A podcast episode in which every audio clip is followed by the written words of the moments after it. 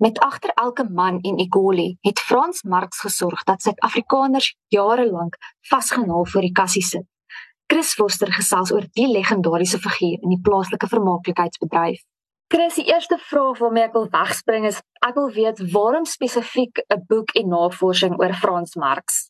Toe ek begin het, aanvanklik wou ek eintlik net oor Afrikaanse TV-dramas geskryf het, maar toe het ek net gesien Frans het omtrent sy vinger oral in elke paai gehad. So dit dit was net die beste persoon om amper mee af te skop, die meeste inligting gehad. Ook moet ek vir jou sê omdat hy 'n eerste gehad het. Die Goli was 'n eerste en daar was ook wêreldgeskiedenis. So ek kon baie navorsing doen oor seep operas, TV dagvervolg verhale reg oor die wêreld. So daar was 'n klomp goeders wat kon invloed in die studie ook maar dit was nie aanvanklik ek het nie een oggend wakker geword en gedink o ek wil 'n proefskrif oor Frans Marx skryf dit het 'n ruk gevat dit my so jaar of twee gevat om tot by dit uit te kom Jy nou besef daar's 'n leemte en dat jy graag meer oor Frans Marx jy wil toespits op hom. Wou jy graag iets um spesifiek uitvind oor hom of wat was jou benadering met hierdie werk wat jy gedoen het? Ja, verseker in die begin was dit nie eintlik eers bedoel om enigsins biografiese inligting te wees nie. Aanvanklik was dit eintlik net oor sy kreatiewe metodologie. Is hoe het hy by sy stories uitgekom?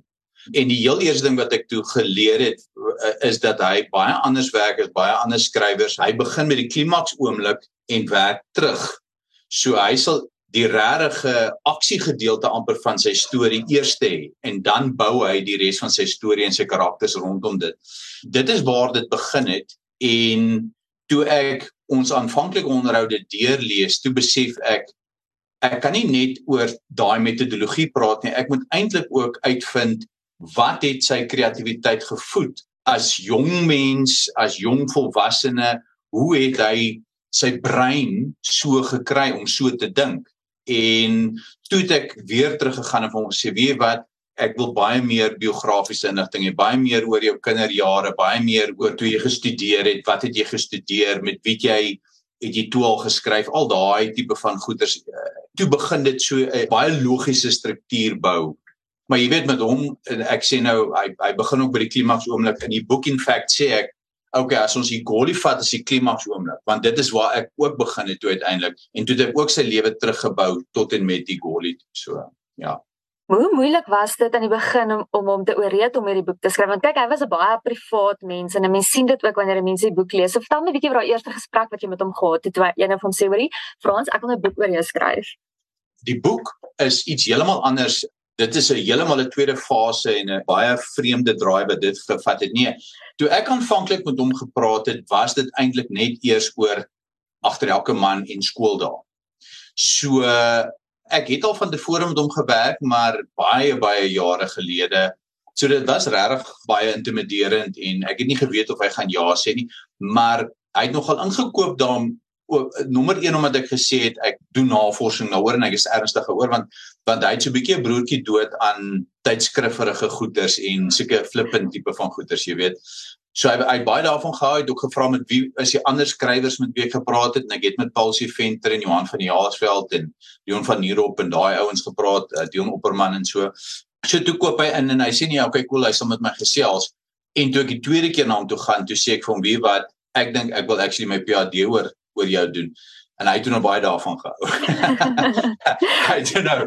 Uh toe kon ek sien ja, okay, hy hy besef okay, die wat hierdie kan eintlik nogal pret wees.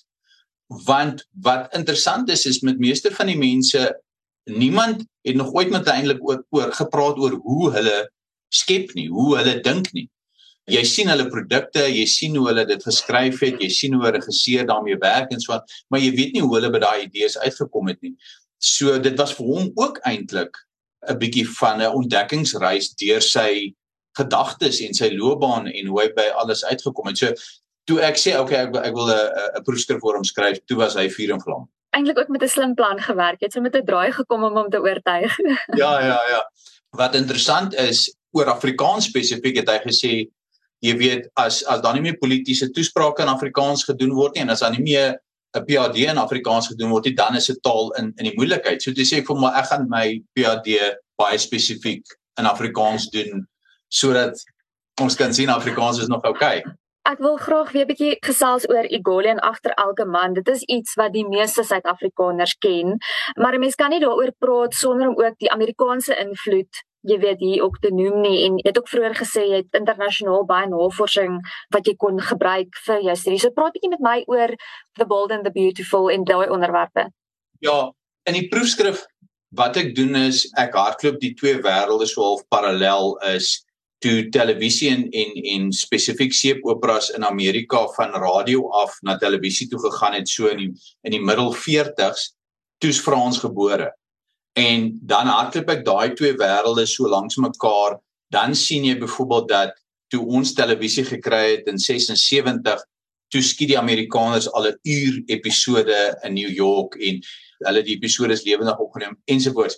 So dis nog hulle 'n baie interessante journey dan. Toe uiteindelik toe Frans hulle uh, eintlik toe um Mnet gesê dat okay hulle wil 'n uh, TV dag vol verhaal doen. Toe het hulle gesê okay kom ons gaan doen navorsing oor see. Kom ons gaan kyk. Ons hulle was in Suid-Amerika, hulle was in in Amerika, hulle was in Frankryk, hulle was in Engeland gewees. Hulle het oral gaan kyk hoe skiet hierdie lande hulle seeopras. Hoe werk dit? Want tot op daai stadium was daar nog nooit regtig uh, drama geskied na atlees in Suid-Afrika nie. Dit was eintlik maar meer geselsprogramme en en en en so voort. En toe het hulle op 'n paar plekke gesien hoor hierso dit gaan nie werk vir Suid-Afrika nie, maar uiteindelik het hulle New York by Loving uitgekom en Loving spesifiek se manier van skiet. Het Frans toe van gehou en hy het vir Bobby Henie oorgestuur om dit te doen. Maar in terme van styl het Frans baie gehou van Bold and the Beautiful want dit het baie meer daar 'n regtig die mooi mense gehad en daai klas gehad. So hy het Bold and the Beautiful gebruik, maar hy het ook dan nou uit die aard van die saak 'n klomp van die ander seepoperas probeer kyk om sekere uh, styl elemente te kry, maar uiteindelik sonder dat hy dit eers geweet het, het hy drie verskillende style van seepoperas gekombineer. Hy het die Britse styl, die Amerikaanse styl en die Australiese styl. Die Australiese styl interessant genoeg is is baie nader aan hoe hoe Dani Sevenlaan gedoen het. Dis 'n bietjie meer komies, 'n bietjie bietjie meer uh, amper heightened reality waar die die Britse styl is weer baie meer realisties, baie meer emosioneel en die Amerikaanse een is natuurlik die glamour en ook baie van die seks en al daai tipe van goeders. So daai drie elemente het hy soort van saam gekombineer en dit het uiteindelik die volley geword. Jy het nou vroeër gesê oor die PhD wat jy in Afrikaans gedoen het en toe dink ek nou skielik dan in die boek verduidelik jy ook toe Igoli nou skielik in Afrikaans en Engels geskiet is. Jy weet die tonele wat eers in Afrikaans opgeneem is dan direk na Engels.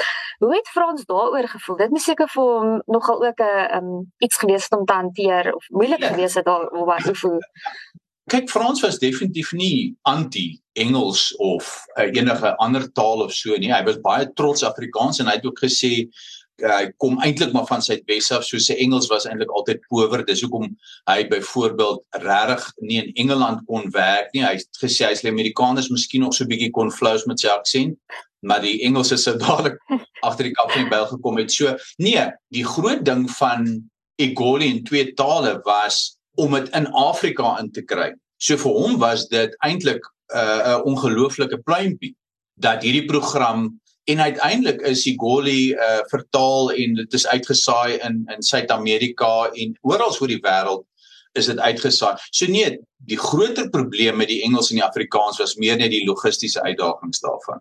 Frans sou baie graag hy hy het 'n 'n reeks in Engels geskryf uh, vir vir Israel en so aan, maar soos baie van ons wat maar werk in Afrikaans is, dit is maar jou eerste keuse. Jy kan in die ander tale werk, maar sy skryfwerk as jy kyk na na agter elke man in skool daar dit is uitmuntend. Toe hy by by en sy gebruik van Afrikaans is is is absoluut wonderlik. Met die Goli en met 'n seepopera werk dit 'n bietjie anders. Jy's nie regtig eintlik meer die skrywer nie jy's so half oorhoofs verantwoordelik vir die storie struktuur maar daar's ander mense wat dit skryf. Ek het nou self al die boek gelees en daar's soveel goed waaroor 'n mens kan praat, maar die een vraag wat ek nog het is as jy die kern van sy sukses in 'n neutedop kan saamvat, wat sou jy sê? Hoekom sou jy sê dat Frans so goed gedoen het en dat sy werk en sy loopbaan so groot bydrae gelewer het?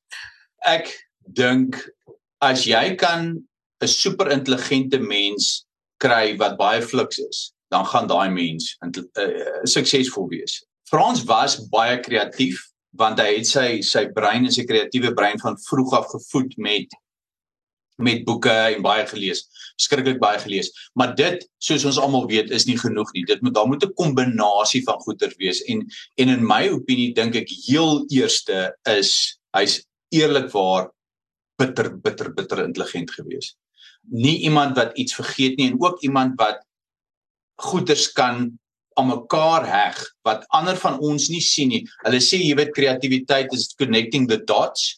Nou Frans kon al die dots connect. Jy weet, so ek dink dit en dan is hy uh, van die begin af eh, 'n uh, bietjie van 'n workaholic gewees. Hy het gevoel ek jy weet hy hy 16 18 ure 'n dag gewerk. So as jy dit kombineer en ek dink hy het geweldig gehou van suksesvol wees. He liked it. Beskeie is nie eintlik iets wat ek is nie dis nie die eerste woord wat ek nou sal sê as ek nou vir Frans moet moet ehm um, beskryf. Ehm um, hy's privaat ja, maar hy, hy's nie beskeie nie. Ek dink hy hy was vrek trots op die feit dat hy goed is in wat hy doen. Maar hy het dit gevoed met baie fliks wees en 'n fantastiese brein.